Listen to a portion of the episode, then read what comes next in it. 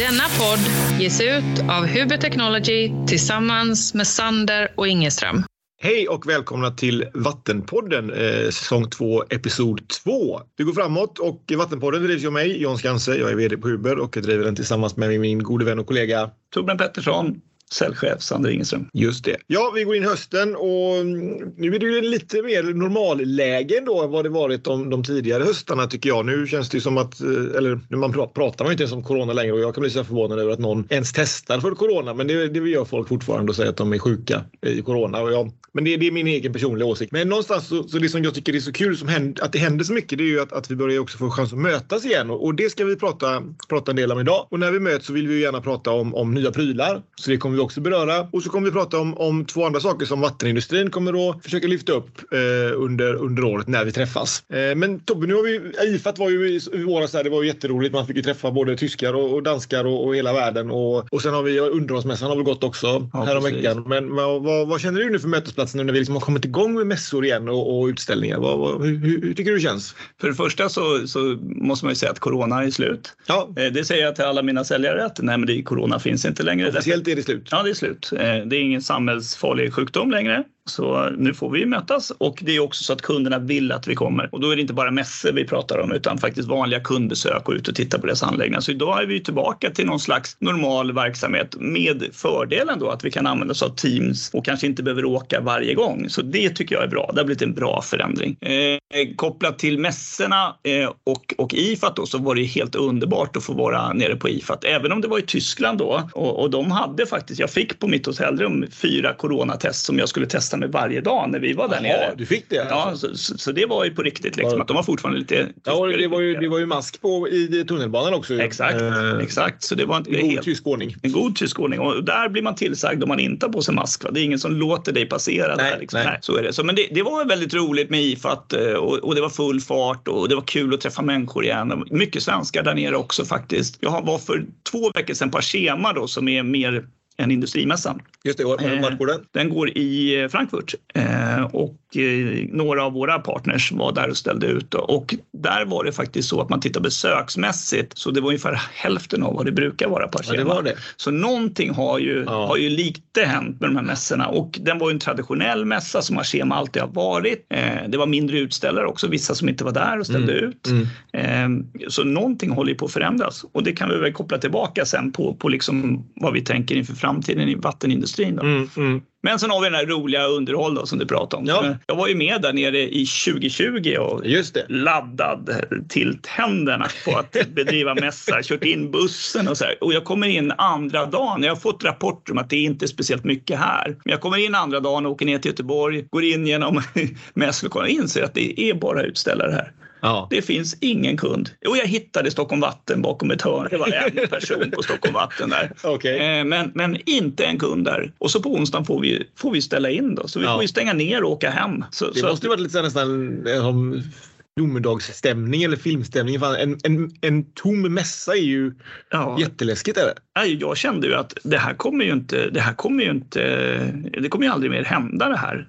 Att vi, att vi ställer upp på mässor. Det var min känsla när jag åkte hem att ja. nu är med, det som jag älskar att göra och ja, ja, det är så jävla roligt. Och så kändes det helt, nej, nej det är tomt i godispåsen, det finns ingenting kvar här, det är över liksom. Så att, ja, otroligt eh, märklig känsla faktiskt. Och så glad att det faktiskt är tillbaka, även om det inte, som jag beskriver då, att det inte riktigt fullt tryck på de här mässorna än. Eh, och vi måste kanske anpassa oss lite grann. Ja, men, och, och det har väl varit min, min käpphäst eh, att eh, hyra ut, eh, alltså, hyra ett kvarter och, och stå där och ställa, ut, alltså det känns ju old school. Ja det, det, behöver vara nytt innehåll i, i det vi gör och vi måste liksom utveckla våra sätt att mötas på. Precis som du säger med Teamsmöten som, som inledning och sen så kanske ett fysiskt möte eller tvärtom. Det, det funkar ju alldeles otroligt bra och jag tänker att det behöver man nog fundera på i de här mötesplatserna också. Hur, hur ska vi göra dem annorlunda liksom? Och vi har ju några kul grejer på gång i, på gång i vattenindustrin som vi ska prata om lite senare. Så vi kör igång helt enkelt. Ja.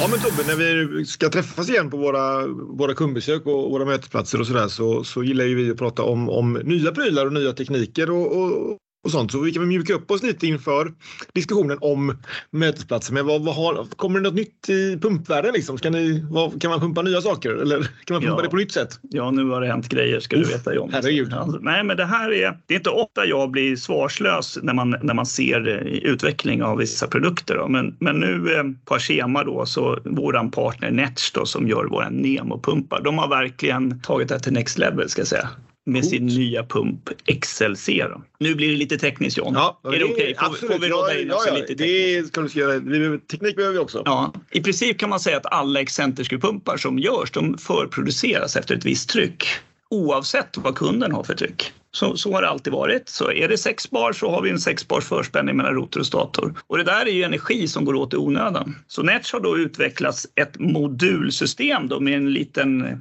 AI-modul till. Mm. Och hela nyckeln är att vi kan alltså röra på statorn. Den är lös i ett hölje så vi kan sträcka på den och vi kan komprimera den. Och med den här AI-lådan då så mäter vi lite varvtal, lite moment, lite tryck, lite eh, värme och lite undertryck och sådana här saker. Och så lär sig den här AI-delen vilket tryck du har i mm. din anläggning. Okay. Så istället då för att liksom lägga sex bar som, som vi alltid gör och köra det i, i friktion utan, oavsett. det behövs, liksom. Ja, det blir ju inte sex bar, men, nej, men nej. effekten blir ja, sex det, bar. Den hydrauliska effekten blir sex bar. Så kan vi nu alltså ställa in den här så att den lär sig att idag, måndag, så har vi två bar. Det som händer är att vi, vi sänker i de bästa scenarierna ska man välja att säga, ja, ja. energiförbrukningen på en excentrisk pump med 30 procent. Det är ju ändå trevligt nu när, när det är eh, Putinpriser på elen. Liksom. Exakt. Och vi kan också med den här servostyrda eh, förspänningen eh, höja livslängden på slitdetaljerna men upp till det dubbla då, när vi har testat det här i labb. Ja, ja. Och det finaste är att alla som har en Nemo-pump som vi kallar för NM kommer kunna att eftermontera det här på sin pump. Så är man intresserad av det, kontakta oss på Sandringen så ska vi hjälpa till så att man får prova den här nya tekniken. Next Gen. Just XLC. det, just det. Ja, men det, det är coolt och det är, det är bra med retrofitten också för då man ju, det blir ju lite hållbart i och med att du inte behöver byta ut grejer för att få del av ny teknik. Och, så det låter som en, en cool utveckling helt enkelt. Ja. Även, alltså även i pumpbranschen sker det framsteg helt enkelt jag var stum helt enkelt. Ja. Jag såg det. Jag tänkte nu har de tänkt här. Kan det här verkligen fungera? Det var coolt. Men, men, men, ni då John? Ni måste väl också ha lite roliga nyheter på gång? Ja, men det har vi ju. Eller det, det är ju små saker och det är väl lite det som är kanske vårat signum och kanske våran bransch signum också med, med utrustning till reningsverket. Det är ju ganska standardprylar, men det är de små detaljerna som faktiskt gör ganska stor skillnad i hur, hur du kan drifta det och hur, vilken bra rensning du får och vilka driftskostnader du får. Vi har väl två coola saker. Och det är ju inget. Ja, nu ska jag inte prata ner min egen produkt här, utan jag ska berätta berätta vad vi har kommit på då. Det är, eh, I och med att vi har rostfria skruvar i våra tvättpressar som vi använder för att, för att ta hand om renset som kommer på rensgallerna så kan vi också göra en eh, magnetdetektering på slitaget. Så man sätter en liten del på skruven som då är magnetisk och sen så när den slits ner så kommer den här magnetismen att minska och när den, när den inte finns längre så kan man detektera att det inte sker någon rotation och då kan man helt enkelt få en liten eh, dior som lyser och säger att det är dags att, att byta skruven.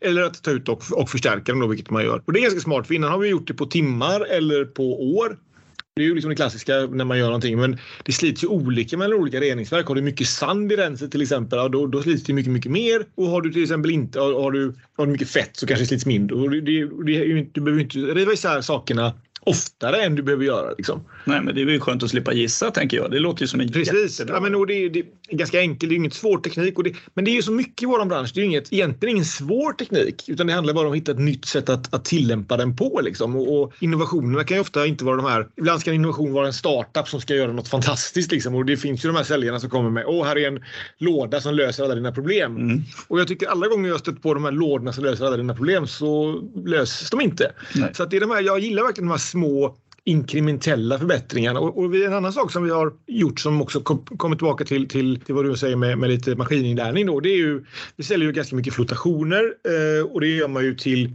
mycket till industrierna på deras reningsverk. Och det är ju för att kommunerna ställer krav på, på, på att de inte får lov att släppa för skitigt vatten till reningsverken på kommunen, vilket är bra och det har vi pratat om tidigare. Men vad man kan göra då är att man kan, när man ska dosera kemikalierna. Så du kommer ju tillverkar man till väl gifflar ena dagen och sen tillverkar man rågbröd andra dagen och så tillverkar man hårdbröd tredje dagen. Det kanske man inte gör i samma bageri men du förstår principen. Mm. Då kommer det olika typer av förorening. Ja. Och normalt sett så har man ju en, en, en dosering, alltså en doserpump som man säljer på flödet och så pumpar du i så här mycket kemikalier baserat på flödet in. Men när, när det varierar så mycket som det gör i, industri, i en industri så klart, i, I ett vanligt reningsverk då är det ju jämnt flöde och så går det liksom lite upp och ner. Men här kan det verkligen vara pH kan ju skilja så det kan ju vara ganska mycket som skiljer i industrin beroende på om de tvättar eller om de bakar hårdbröd som sagt. Men då doserar man ju kemikalierna baserat på vad som kommer in och hur de parametrarna ser ut där. Och det, det låter ju logiskt eh, och enkelt men det är ju någonting som faktiskt inte har funnits så mycket innan. Så nu har vi liksom börjat bygga upp den tekniken och kört igång några installationer i, i Sverige där vi, där vi gör det här. Och det gör ju att vi får ju ner kemikalieförbrukningen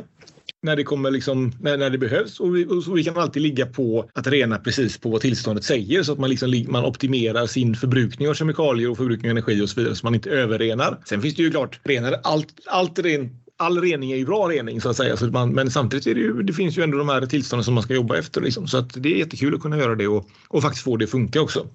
Cool. Så det är väl två, två saker som är små men som ändå är, är revolutionerande kanske är att ta i men i vart fall eh, som för branschen framåt. Då. Och det, det är kul och just det här med slitetiteringen det kanske jag inte sa men det, det, funkar ju bara eftersom det är rostfritt. Ja. Så att, uh, har du en svart, svart, svart stålskruv i så är det inte lika enk, enkelt att göra den delen. Så vi, vi, vi, vi är stolta och nöjda med det där helt enkelt. Kul. Och det här kommer vi prata om på alla våra framtida mötesplatser. Då. Men jag tänker vi, vi kan väl fortsätta på den och snacka lite om eh, vattenindustrin och de kommande mötesplatserna alldeles strax. Eh, kul det här. Det är lite roligt med vattenindustrin tycker jag. Jag hade ju förmånen att få sitta i styrelsen där under tre år. Eh, nu Men det heter Varim va?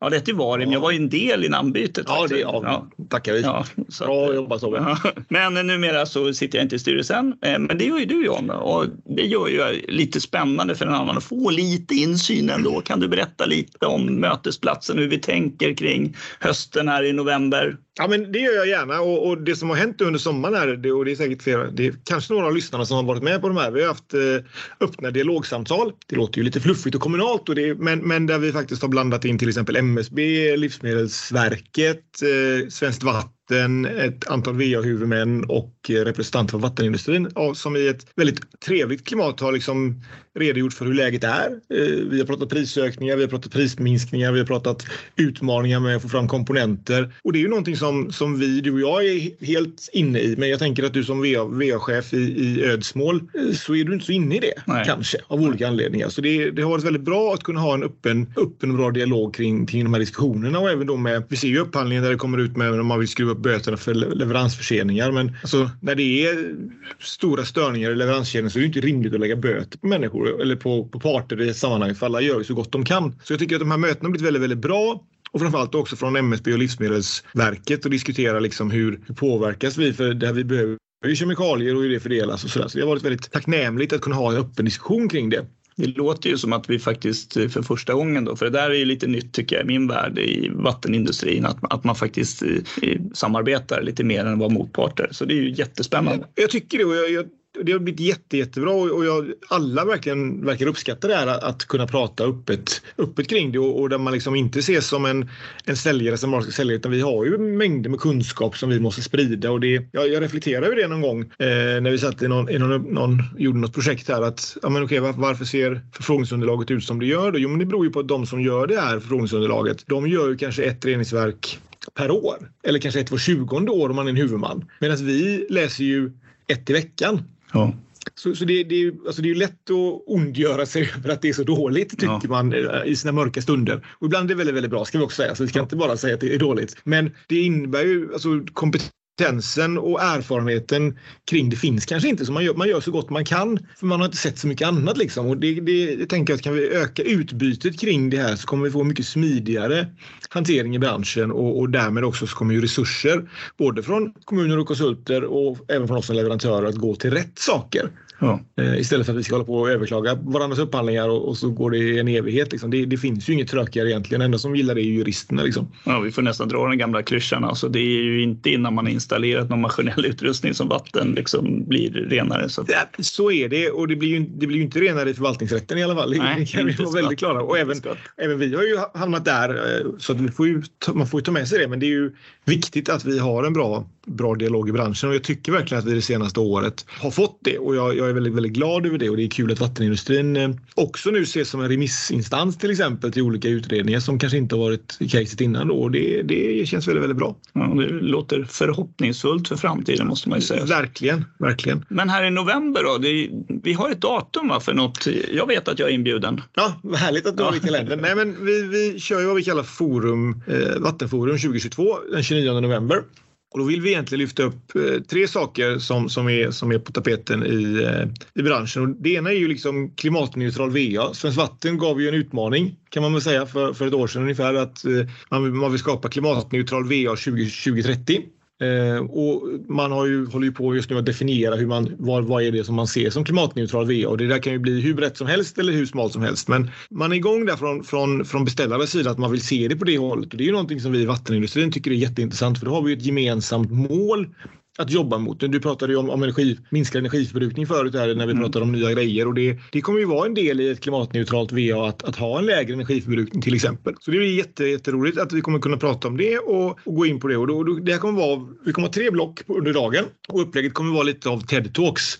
Okay. Att vi har en moderator i varje block, eller vi har en moderator och sen har vi liksom i varje block någon som inleder. Tre, fyra, eh, kvart, tio minuter, en kvart föreläsningar om ämnet och sen en avslutande paneldiskussion och sen så tar man ett nytt ämne. Så att vi kommer ha tre ämnen under dagen dagen eh, där då det första kommer vara klimatneutral VA. Eh, det andra kommer vara lite, alltså upphandling låter ju jäkligt tråkigt, eh, men vi har ju berört det nästan varje poddavsnitt också för det är ändå en viktig del av, av våran bransch. Så är det. Och, och, där vill vi då säkerställa att, tillbaka till klyschan om att saker måste installeras, säkerställa att upphandlingarna som kommer blir genomförda. Eh, och, och, där finns det, finns det mycket och det kommer vi prata om lite senare i podden. Men, men det kommer vara ett av ämnena under den 29 där vi kommer liksom lyssna på vad som har gått bra, vad man skulle kunna förbättra och, och vilka avtalsformer man kan ha. Eh, och sen sista delen då är är ju kanske Ah, alla tre är ju lika viktiga så jag ska inte säga att den är viktigast men den är ju kanske ännu mer framtidsspanande och det är ju kompetensförsörjningen i branschen vi pratat om. Eh, hur, hur säkerställer vi att, att ungdomar och, och, yngre förmågor och även äldre förmågor kommer in i branschen? Alltså, vi gjorde en undersökning om hur man, hur man började i branschen och vi, vi konstaterade att de flesta av oss har snubblat in i den. Ja. Det är väldigt få som har börjat på, på en högskola eller en yrkesutbildning och sagt jag ska hamna i VA-branschen utan majoriteten har faktiskt snubblat in i det. Men så som du och jag tycker att det är en fantastisk härlig bransch. Ja, jag tänker att det var inte så när man gick på förskolan och lekte så att man tänkte jag ska jobba med VA när jag blir stor. var det inte så Tobbe? Nej, skulle jag kunna tänka. Ja, det var så. Ja, ja, ja. Men, ja. Och den, men det, det, tog stopp där i fotbollskarriären eller? Ja, den började nog aldrig. Nej, men nu blev du ju VA-proffs istället. Ja, så det är ju en bra, bra utveckling. Nej, men så det här är ju tre väldigt viktiga ämnen. Alltså klimatneutral VA, upphandlingar och genomförande av projekt och sen hur, hur vi skapar kompetensförsörjning. Då. Och vi kommer beröra det här lite grann i dagens podd också. Men jag tycker verkligen att ni ska, ska blockera 23 eller 29 november och så kommer det ut en inbjudan eh, i, i branschen inom, inom kort. Då. Missa inte det då. Save that date. Save the date, exakt, exakt. Och sen tänkte jag liksom, eh, vi måste också prata om dem. Vi, vi var inne och berörde lite mässan då eh, och det har ju hänt rätt mycket ifrån när vi körde VM-mässan i Elmia eh, och nu kommer det bli något annat i framtiden?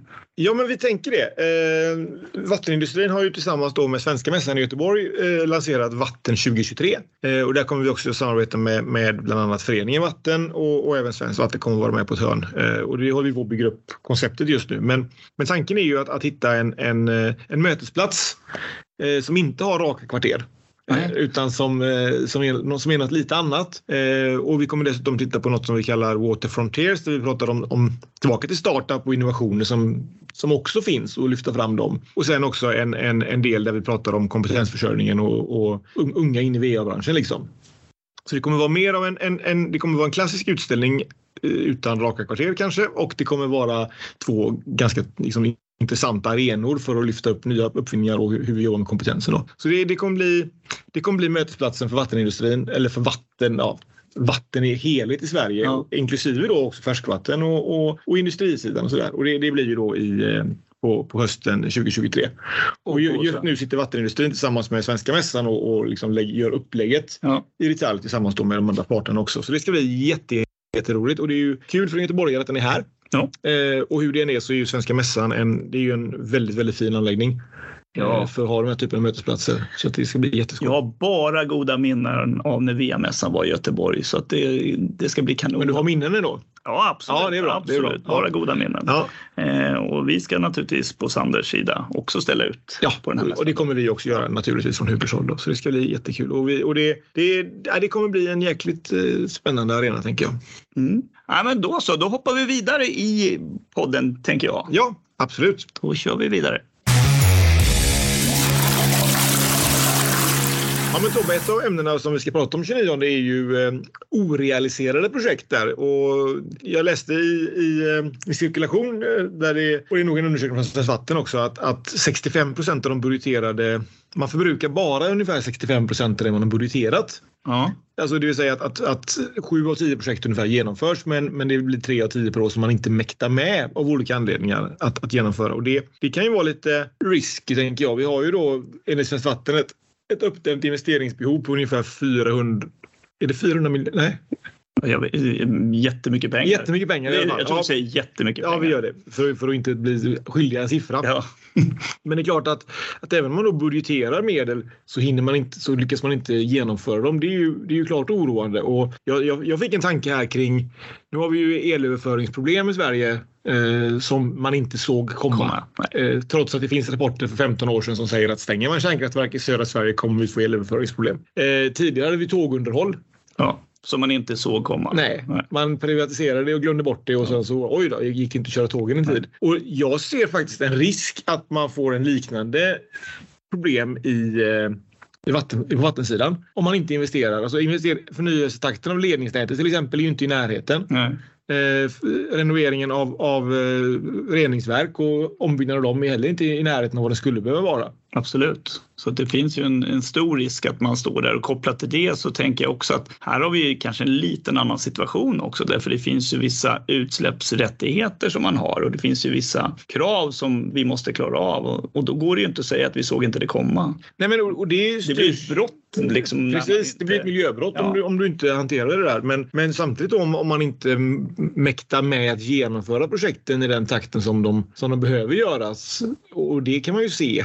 Ja. Så, så blir det ju liksom väldigt tydligt eh, där. Och ett exempel till exempel, vi har pratat, det är ju Lidköping som någonstans var färdig att sätta spaden i marken 2017-2018 och då har jag för mig att prislappen var 550 miljoner för reningsverket, vilket är en otrolig mängd pengar. Men nu då när man fyra år senare efter överklaganden i, i eh, i länsrätten och, och hej och hå landat i sitt vad tillståndet innefattar så är prislappen över en miljard. Ja. Alltså det är ju det är ju orimligt mycket mer. Dels blir det en hårdare rening som ja. naturligtvis kostar pengar. Sen har ju alla infrastrukturkostnader gått upp och senaste året har det ju stuckit iväg ännu mer. Ja. Men, men det är ju fortfarande en, en Det är ju inte jätteroligt att vara VA-abonnent i Lidköping med, med en sån utveckling för att man inte fick av olika anledningar som inte ens är Lidköpings kommuns fel Nej. kom iväg inte kom eh, 2017 liksom. Tåget stod kvar på stationen och väntade. Ja, men lite så. Så är det verkligen. Jag tänker att, att eh, det där är jätteintressant och nu står vi inför en liten osäker framtid skulle man säga. För jag jobbar ju också med ganska mycket industriellt och,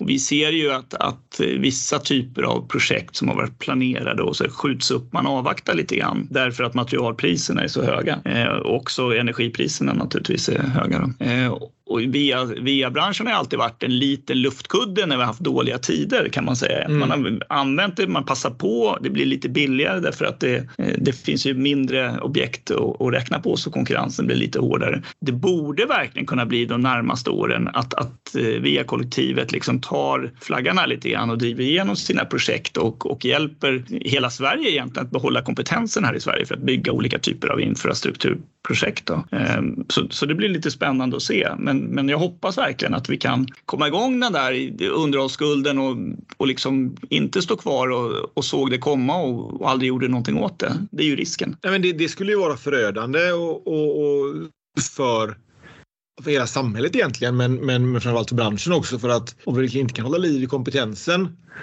för att vi inte lyckas. Liksom, det, det, kan bli en ond spiral om ja. vi inte är snabba på det där. Men samtidigt som du säger, och det är väl, nu är det ju en lågkonjunktur i faggorna enligt, enligt alla förstår sig på det i alla fall. Och det är klart att, att då är det ju klassiskt att man använder mer av, av gemensamma medel för att sätta fart på genom infrastrukturinvesteringar. Så att förhoppningsvis kan man ju komma till det läget att, att det blir en, en att man startar mer och mer projekt och tillför mer pengar för att göra projekten. Och, och som du säger också att, att klart när utbudet går ner så kommer ju också priset kanske kunna, kunna droppa lite grann i själva genomförandet då. Eh, för det blir ju liksom inte hysteriskt men, men eh, fortfarande så är det ju oerhört viktigt med, med kompetensdelen där för att kunna genomföra projekten och kunna få det att snurra och det, det kan man nog eh, kan man nog fundera på. Men har du något projekt som du har, jag brukar inte säga det på namn, men som, där, det, där det tog stopp som du liksom i det senaste? Mm, ja, alltså inte stopp kanske, men där man ser fördröjningar. Man ser att vi borde vara klara nu. Eh, vi håller på med ett, ett stort, alltså projektet rullar på, men, men man ser redan nu att nej, men den här tidsplaneringen går inte riktigt längre. De borde ha handlat de här maskinutrustningarna nu. De har inte gjort det och leveranstiden gör att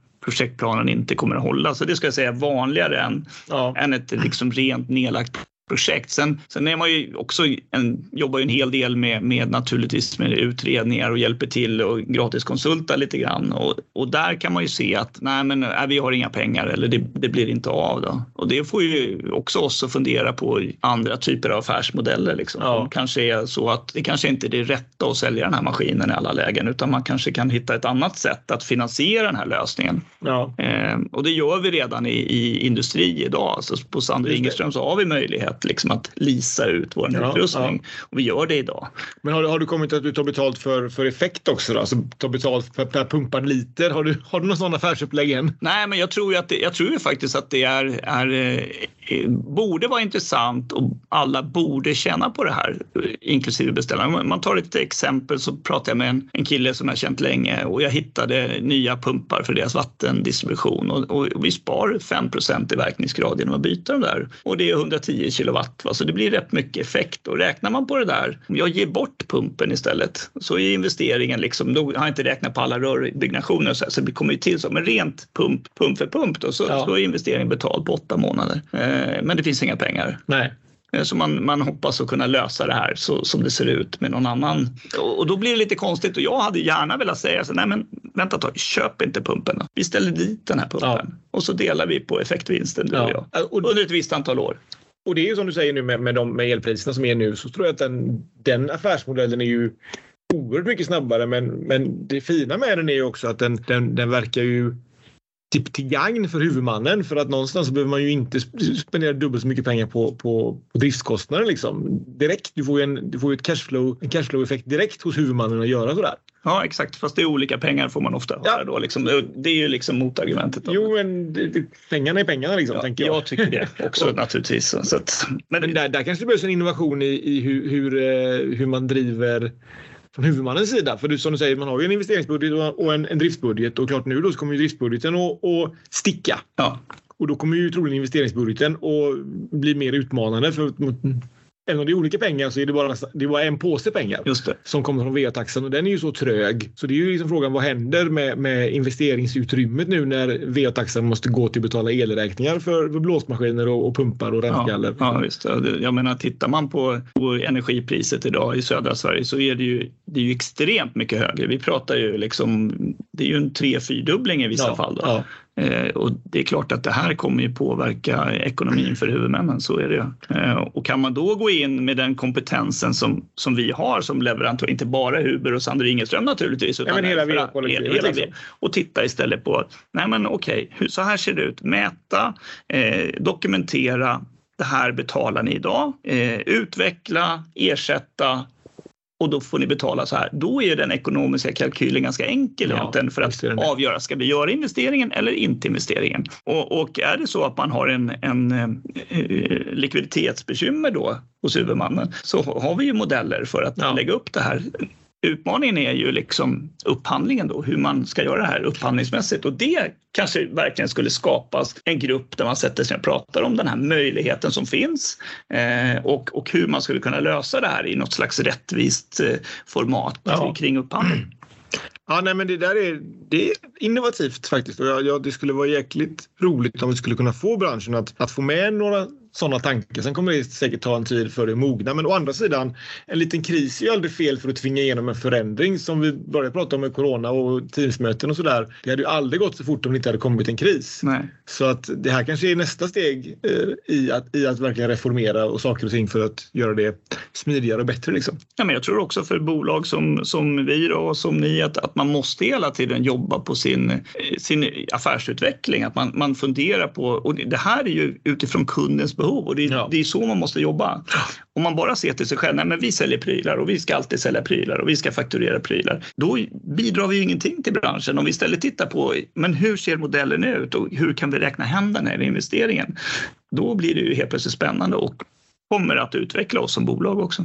Ja, det är, det är intressanta tankar. Det, skulle vara, det är ett bra tema att ta med oss in i vattenindustrin tänker jag. Att, att start, liksom spana på hur skulle det där kunna se ut. För att det kommer ju inte du eller jag lösa själva. Nej. För att kommunerna och, och liksom, huvudmännen kommer ju inte liksom, de vet inte om att de kan köpa det och de vet inte om att de behöver det, även om de förstår det. De förstår menar. Ja, och sen så det kommer ju alltid någon slags finansieringspart in i de där. Ja. När vi gör så så blir det någon typ av finansiering. Då. Det, vi är ju inte bank då naturligtvis, utan det blir någon typ av finansieringslösning. Det, det får det ju bli. Det får det bli. Eh, ja, men det är ändå, jag tycker det är värt att fundera på det och liksom tänka kring det här och jag menar kopplat till energi då jag menar, det är, vi ska spara på energi och det är ju jättebra om vi gör det, men det är också kopplat till klimatet tillbaka till det vi pratade om förra avsnittet med, med liksom klimatförändringar och, och, det är klart varenda kilowattimme som vi kan som vi kan spara där ute, det är ganska bra. Absolut, så är det. Och, och en annan take på det här då tycker jag, det är också kompetensutvecklingen och kompetensförsörjningen och, och vi har ju sökt servicetekniker för, för, hos oss till exempel och det är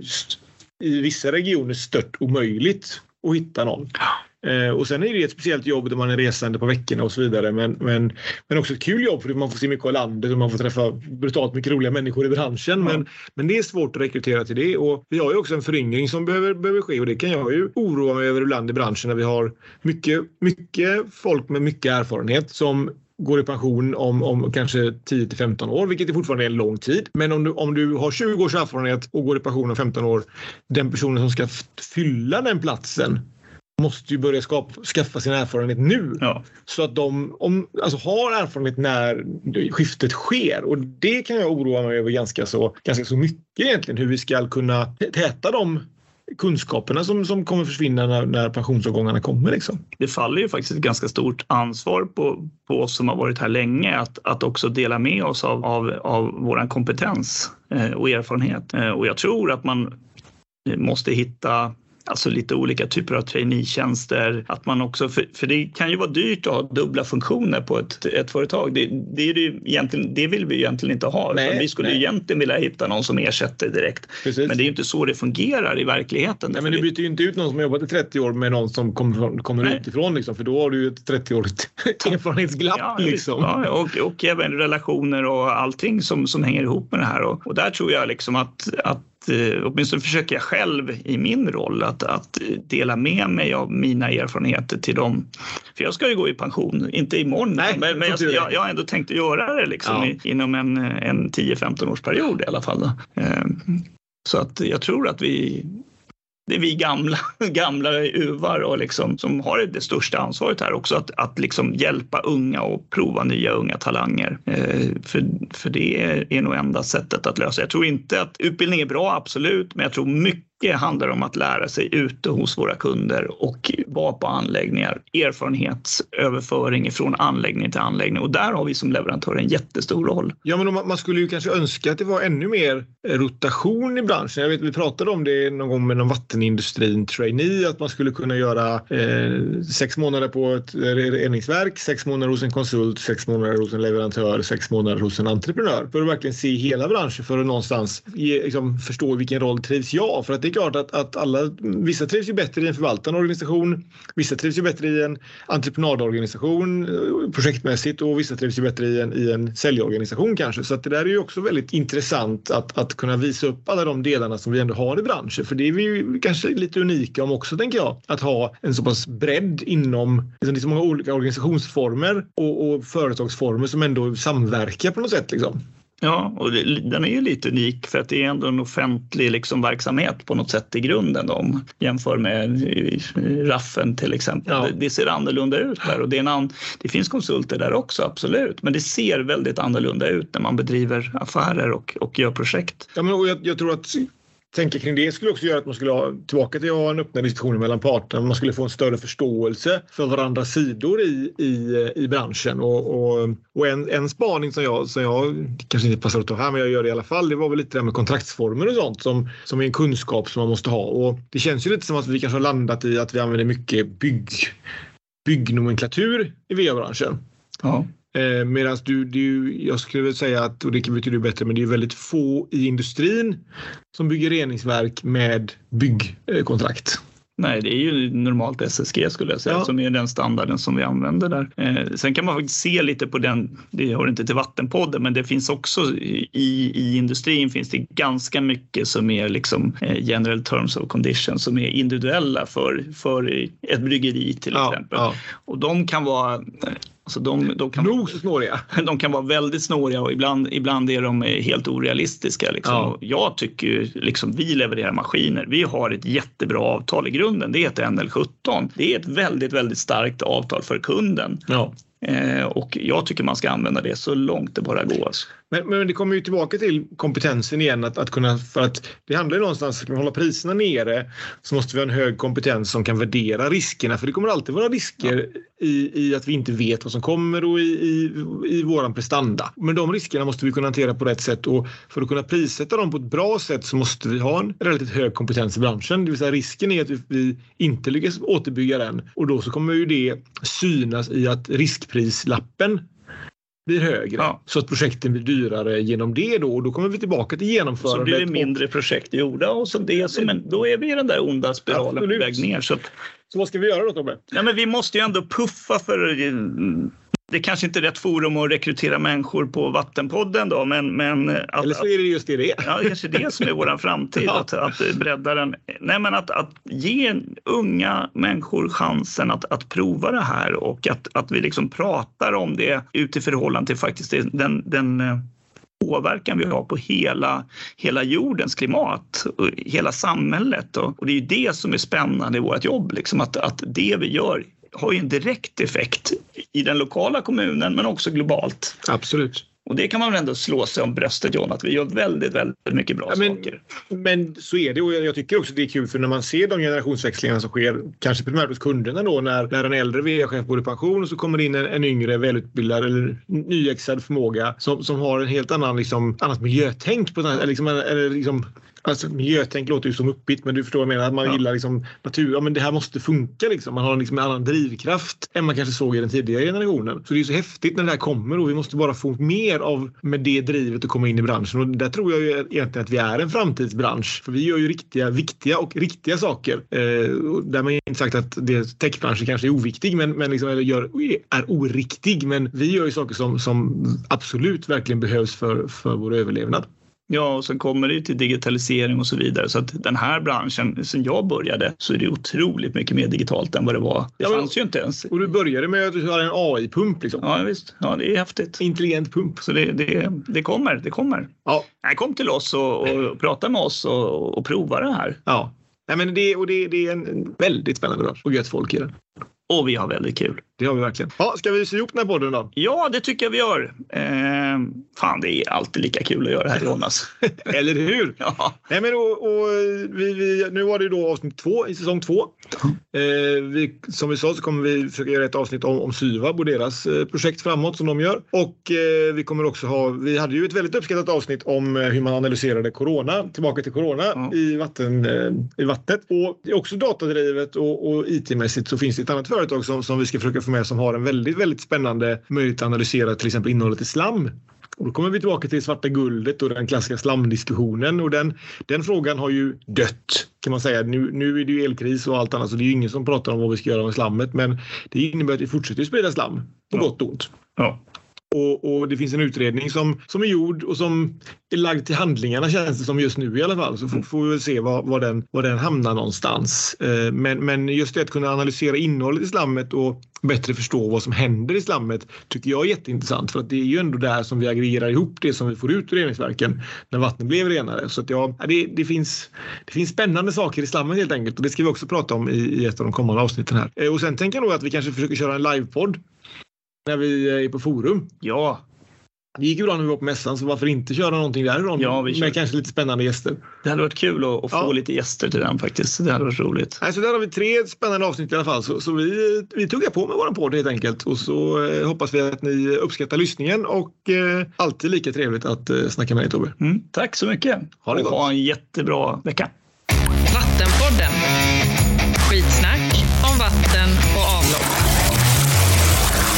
Podd ges ut av Huber Technology tillsammans med Sander och Ingeström.